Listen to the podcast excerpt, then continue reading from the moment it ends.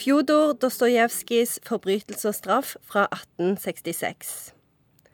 Raskolnikov dreper en pantelånerske og angrer. Ja, Det er det. det var det. Hvor mange sider utgjør det? 800. 800 sider. Og, det kan, og, og boka kan oppsummeres med én setning. Altså, fordi det som skjer, det er at det, det er jo egentlig en, det er en slags en kriminalroman. Men poenget er at du vet hvem som har gjort det. Så det er dette her med at eh, Raskolnikov lurer på om det egentlig var riktig av han å drepe denne pantelånersken eller ikke. For hun var et ganske sånn ufyselig menneske. Og så tenker han ja, nå når jeg har drept henne, så kan i hvert fall ikke Altså, det er én ond handling. Men den, det at hun ikke kan gjøre mer ondt mot andre, det rettferdiggjør kanskje denne handlingen. Pluss at han har en liten mistanke om at han er et overmenneske. Og hvis du er et årmenneske, så må det jo være greit, tenker han. Men så finner han jo ut at han ikke er det. Eh, Og han ender jo opp i arbeidsleir i, i Sibir. Og det er mye fram og tilbake med det. Så det, er egentlig en sånn en, en kriminalfortelling hvor du ikke prøver å finne morderen, men hvor morderen sjøl prøver å finne fram til motivet. Er det noen sitater vi skal ta med oss fra 'Forbrytelse og straff'? Ja, jeg har en fun fact òg, faktisk. Fun fact er at eh, Dostojevskij egentlig hadde tenkt å kalle romanen for 'Fyllikane'. Det tenker jeg det er nyttig å dra fram i selskapelig Han var ikke innom fuglene, det var fyllikene. Ja, det var fyllikene. Ja.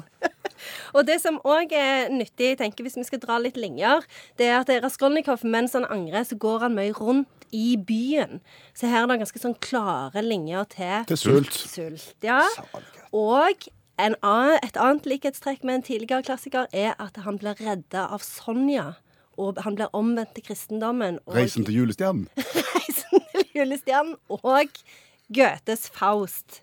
Dette begynner å flette seg sammen. For vi husker at. Faust ble redda av Kjæresten sin Gretchen. Helt riktig. Salig at nå husker vi mye. Hvor bør vi, I hvilke miljøer bør vi imponere mest med å ha lest 'Forbrytelse og straff'? Jeg tenker at alle blir imponert av Dostojevskij. Altså bare det å kunne uttale navnet Dostojevskij, og hvis du i tillegg vet at han heter Fjodor til fornavn, så har du kommet ganske langt. Ja, Folk alle- har en tendens til å bli veldig imponert av det. Ja, Og alle blir jo imponert hvis du har klart å lese 800 sider òg. Ja.